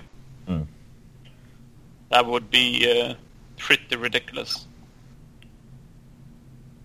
Yeah. yeah, yeah, Just yeah. like from what he would do on the first power play, he could potentially score 20 to 25 goals. Just from his getting first power play minutes. But when you have someone like Ghost, you don't you don't replace him. no. But that's pretty ridiculous to have someone that good offensively and he's not even on your first power play. Mm. I mean, I think that's the thing that you look at the Flyers roster now, and they just have so much depth, especially offensively. It's from lines one to four, they should have good depth, and they have. I mean, the defense isn't perfect, but they have a lot of offensive talent there. Yeah. I think that as long as their goalies don't completely suck, their defending don't completely suck, and the penalty killing completely suck. Like if if all those three things are league average, Mm. I think they will be a really really good team because of how good they are offensively and the depth they have. Yeah. They got one of the better top six in the league. Yeah. And I think you can say they, they got a pretty decent bottom six as well when you have Wayne Simmonds and Lindblom and potentially Vorobiev as a third line. Yeah, I think if Vorobiev comes in and plays as well as he has in preseason, there's going to be an argument to be made that the Flyers have the best bottom six in the NHL. Huh. When you when you have two, you potentially have two third liners on your fourth line and two second line ability. I mean, Lindblom last year, the underlying numbers said he was a second line winger when he was with Patrick and um, Voracek. And Simmonds, if he can if he can play as he did say a year and a half ago, he's also a second line level winger. So there's a lot of ability in that bottom six and through the whole uh, 12 forwards really. So are we quite uh, agreed on how to set up the lines? With Giroux, uh, Couturier, Konecny as a first line. Yeah, I think that's Yeah. pretty universal. And then uh, JVR, Patrick Voracek. Yep. I think to start the season, I would go with that. I think there is the potential to shuffle JVR and Lindblom as well, simply because it seemed last season like Lindblom and Patrick had some really nice chemistry. Yeah. So I think if that line I goes think dry, when, when you sign that big contract to, uh, to the one of the better goal scorers available, you kind of need to start him on the in the top six. yeah, I think he will. But I think there are the options there to kind of move people up and down. I think Giroux is going to be the constant on left wing with Couturier, but I think the other wingers over the season I might think shuffle. And Simmonds might change places as well. Yeah. And Voracek might spend some time on the first line, and Yeah. Lindblom might spend some time on the second line. But it's just nice to have those options. Yeah. And then I guess the third line of Lindblom, Vorobiev, and Simmonds. Yeah.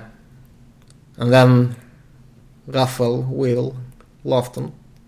I would say that would be my choice. Uh, it, I mean, I think the Flyers might start the season with Corban Knight at centre, which um, I'm not that big a fan of. I mean, I don't dislike Corban Knight. He's an okay AHLer, good penalty killer, good face-off man.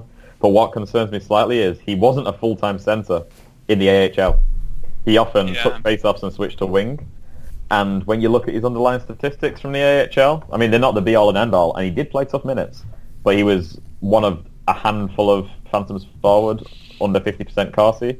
I mean, he had 49.49, so only just under, but still, you know, he was playing the same players as those kind of guys, and Vorobiev got similar competition from what I saw. I mean, Mhm. it, um, Yeah. you can't quantify it, but Vorobiev was also playing tough competition. Lindblom was as well. I And totally they- get why they would give him a spot because they they see it as that he gets the spot because he has to help the the penalty kill, and, And he's he- a great penalty help killer. So I get it, but I think that I don't think it's worth him being the 4C. I don't think he's that good of a penalty killer that it's worth over a whole year that he gets that spot instead of having a fourth line being a Raffl, Laughton, and Weal or Weal in the middle. I just think there's a little bit more offensive potential in Jordan Weal Yeah. uh, to kind of make it worth trying out him for more than a handful of preseason games. I think as well, you know, Weal has shown in the NHL before that he can. He's been a capable NHL third line winger. Nothing special, but you know, he's been an okay third line winger in the Mm. past couple of years. And Scott Laughton kind of blew me away last year by how well he played 4C. I mean, when Yeah. you look at the numbers, he was he had a fantastic season that kind of went under the radar. He he had the best expected goals against on the Flyers team up front, and yeah, he didn't play tough minutes, but he also played well on the penalty kill and everyone he played with had good numbers defensively, irregardless of if it was Lehtera, if it was Weise. It, it, other players who generally dragged others down defensively didn't drag Scott Laughton down that much defensively, Yeah. and it, that was impressive. So I'm kind of reticent to see him leave the centre spot since he had such a good year there last year. And I mean, he, he played okay at wing two seasons ago. He played like a third line wing when you look at it, but I think it was nice to find someone who you can trust at 4C. And it, it, it concerns me slightly that they're moving away from that. I think the fourth line is going to be good, whatever, because if Laughton and Raffl are on it, it's going to be a good fourth line. Yeah, I think even if it's uh, uh, Raffl, Knight, and Laughton, or however they go with it, I think that will be fine. I just don't think it's worth having Corban Knight on the team Mm. just because he's a good penalty killer. Because I don't think he's that much better that it justifies him playing 82 games. Yeah, I agree. Yeah, and I think you look. I'm I'm not sure Corban Knight is as good an AHLer as say, I know different position, but he's not. I don't think as good an AHLer as say Taylor Leier has been. And Taylor Leier's a faster player as well than him, and Taylor Leier he didn't do anything special in the NHL, but he showed he could hold his own, and he put up better numbers than Corban Knight did in his limited NHL time um, with uh, both Calgary and Florida. I mean, Yeah. this isn't his first. I mean, it's not very many games, but he's played, you know, almost 30 games in the NHL, and it's a sample where you go, well, if you're putting up kind of the numbers he put up, which weren't weren't good at all, really, in that big a sample, I'm not sure he really is an NHL caliber player. Whereas we. I mean, I mean, Leier didn't do anything special either, but in 50 or so games, Leier at least showed that you know he's not a detriment to the team. So I mean, I don't think Corban Knight is going to be a massive detriment to the team. I think he's going to be in. He's going to do okay, but I think they could potentially make the top 12 better without him because I think they have. I'm not sure he's one of the best 14 players in the organisation. I mean, I don't exactly. I'm pretty sure he isn't. No, Yeah. I, I think you have Aubé-Kubel. He's going to be in the AHL. Who's better than him? Mm. And Leier is probably better than him. I mean, if and it shows Dale, now, Dale Weise, quite frankly, is probably better than him. I mean, I don't particularly rate Dale Weise very highly, and I think he's fell off a cliff since Yeah, Montreal. of course you do. he can still play in the NHL and not be a complete hash of every, you know. yeah. And I'm not saying that Corban Knight will, and I don't think he will, but I still think it's it's not the ideal top 12. I, I, I totally get though why he's still Yeah. around. So It's if it, if it shows that he helps the penalty kill in a massive way, somehow, let's say he's a great penalty killer with Laughton, they work Mm. off each other really well. and I, I I totally get it, and I think that it could work. I just don't see it happening. And he is a really good face-off man. He was, he was over 58. He was over 58% in the AHL last year. Now the AHL is not the NHL, and you expect say a four or five percent drop off or so going off other players. Yeah. But he's still. I would be surprised if he didn't put up 53, 54 percent in the HL, and I don't think face-offs are that important. But Yeah. it will help the team in an area that they've. Well, they were okay last season, but I think the bottom six could use some help, especially since Vorobiev's going to be a rookie and Scott Laughton isn't exceptional at face-offs. Yeah. I mean, Mm. you have Couturier and Giroux that are really good, but other Yep. than that, they haven't been that good Mm. at face-offs. We'll see. Um, I just, I don't know. I'm kind of split because I'm thinking of Corban Knight, and I get why he would make the team, but then I feel like realistically for me that would mean that Jordan Weal doesn't, and I just don't think he's played bad enough to not get a spot at all or be the the guy in the press box. Mm-hmm. So it feels like I just I just don't think Corban Knight will get a spot because we have too many players uh, that I think are ahead. I think as well the the Flyers probably know that if they waive Jordan Weal, someone's going to pick him up, Yeah, and if they waive Corban Knight, I'm not sure someone will. yeah. I don't think Hextall wants to risk losing Jordan Weal on waivers. Yeah, I, I- it's going to be very interesting because obviously you have Weal and Leier in a similar position where, I mean, Weal is far more likely to be claimed, but it wouldn't surprise me if Leier was waived and claimed. I mean, he's a guy who's played 50 or so NHL games, and Yeah, But do we really care? I'm not. No. I would. I wouldn't be concerned if Leier was. Jordan I'm- Will, I think you can get something for. If you're mm. gonna send him down, you need to trade him. yeah, Taylor Leier, I don't really care.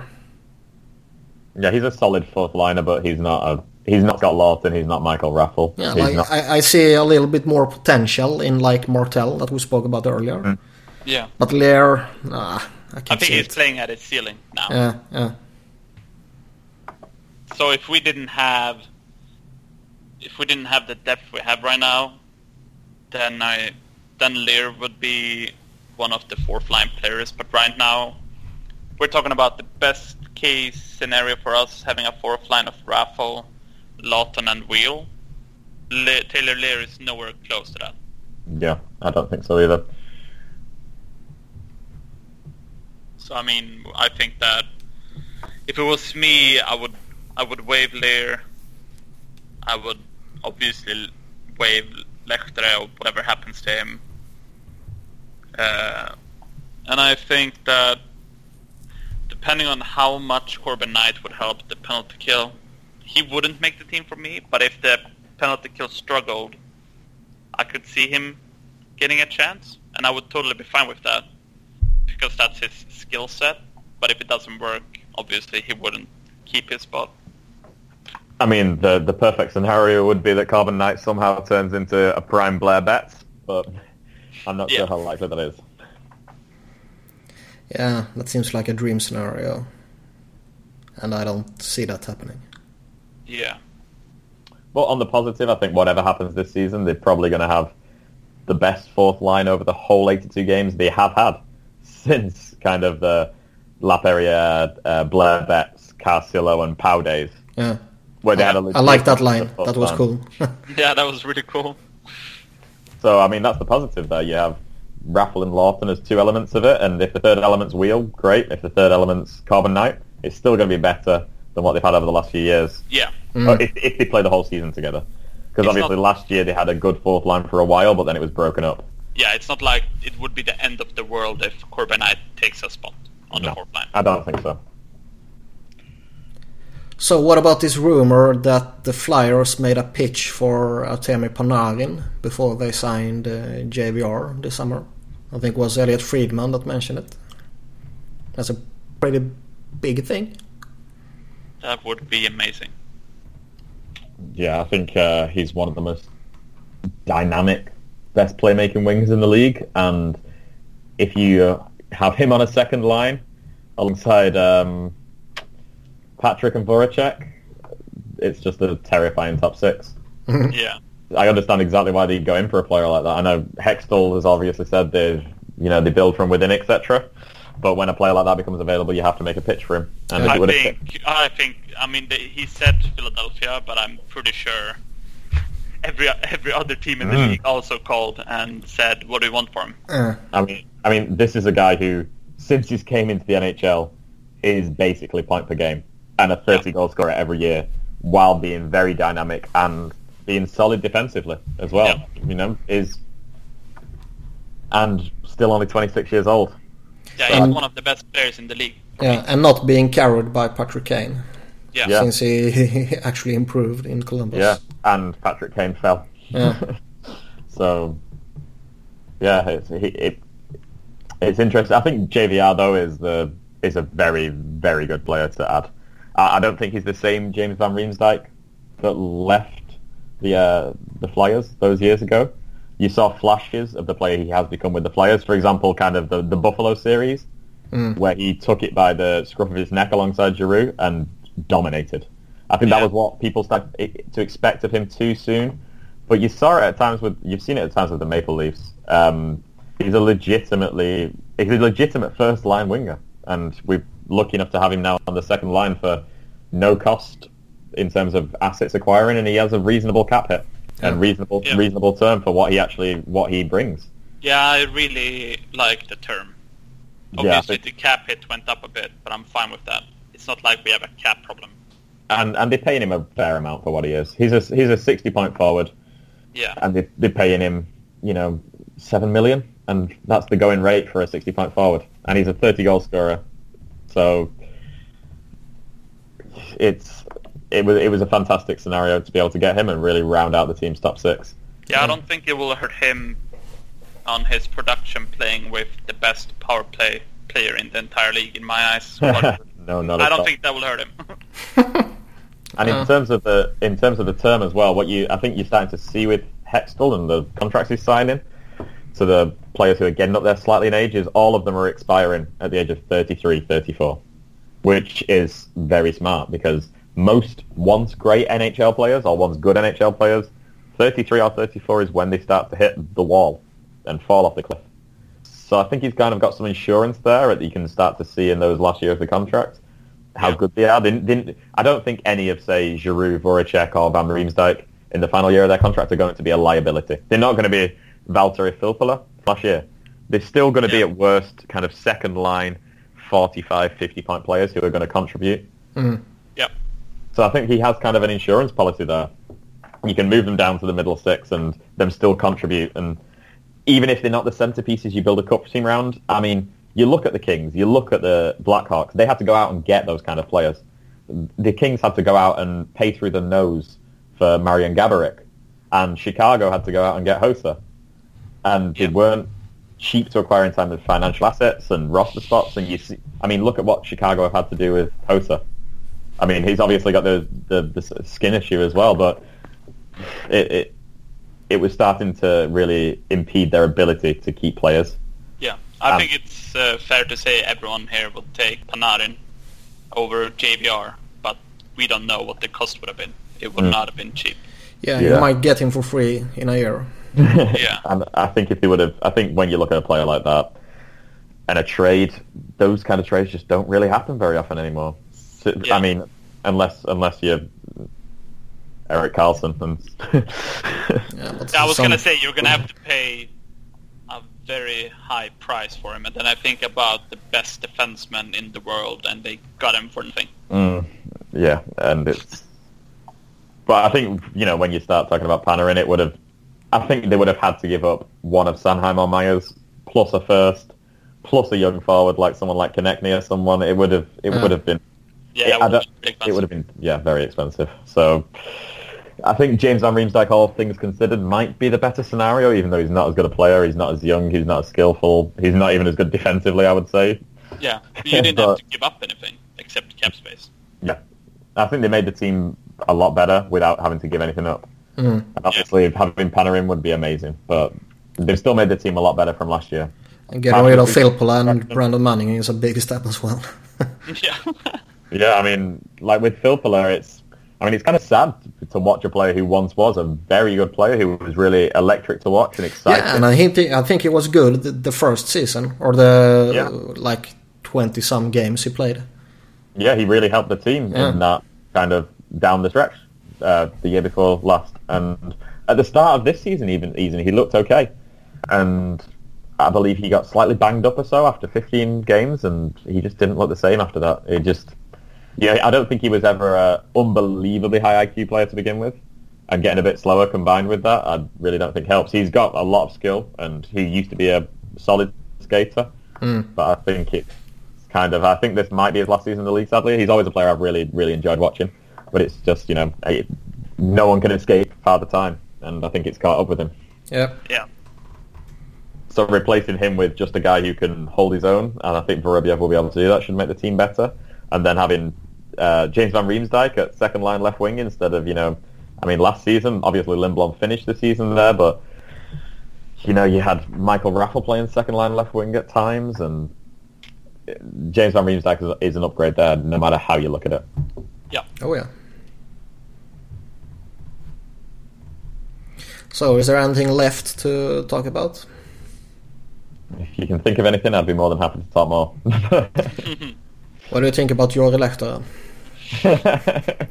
the Finnish drug lord? well, um, I think it's an unfortunate circumstance really overall, and I'm, I hope that nothing really comes of it for him. Uh, but obviously right now we just don't know anything. It'll be interesting to see how it all plays out. Is really all I can say on the matter. So let, let's say, for for argument's sake, that nothing really happens. He stays on the roster. Uh, he's one of 14 forwards. What can we expect from him? I would say, given that the Flyers now have Vorobiev and they Laughton, they, they seemingly like Laughton enough now that he's not in risk of getting cut. Uh, they seemingly like Corban Knight. I can't imagine even if everything kind of goes away on that front that Lehtera is going to be playing more than 30 or so games a year. So I think either way, for the Flyers, it's not an issue, a proper problem. Um, I think he was close to not being on the team anyway, just off a playing basis and what's happened in preseason and how they look at the lines. He was, he's him, him and Weise have generally been on the the line. Yeah. You, you know, like or Aubé-Kubel was with them last game, and it just it just looked like those three were the guys who were on the outside looking in. Yeah. So should we round up? Yeah, that's, that's good for me. We talked about the Finnish drug lord. We talked about uh, gritty, and then some less important stuff. Yeah. But uh, it's always good to chat with you, uh, Alex. Um, The same, really thank, enjoyable. thank you for joining us. Um, And remember, don't put two kilos of cocaine in your cabin. yeah. And the next bear it in time mind. We will uh, do the Flyers podden in uh, Swedish with you. hmm. You don't have a choice. Yeah. I mean, maybe we can do some in Danish, but I'm not sure. Uh, yeah, it'd be more Yeah. difficult for people to listen. we should start up the Danish uh, Flyers podden. Cross the bridge. I, th- I, th- I think you know more Danish than I do. Uh, I'm not so sure about that. Uh, when I go to Denmark, I need to talk English or speak English, rather, because I don't understand shit. Same, to be honest. just, just get them to write it down for you. It's the same written. Yeah, maybe. Well, uh, thanks for joining us, and uh, Johan, thank you as well. Thank you, thank you, thank you. Yeah. Yeah. and Thank you, Niklas. Uh, see you later. Ja, tack igen för att ha mig, uh, Niklas och Johan. Uh, det var riktigt bra. Uh, vi ses alla.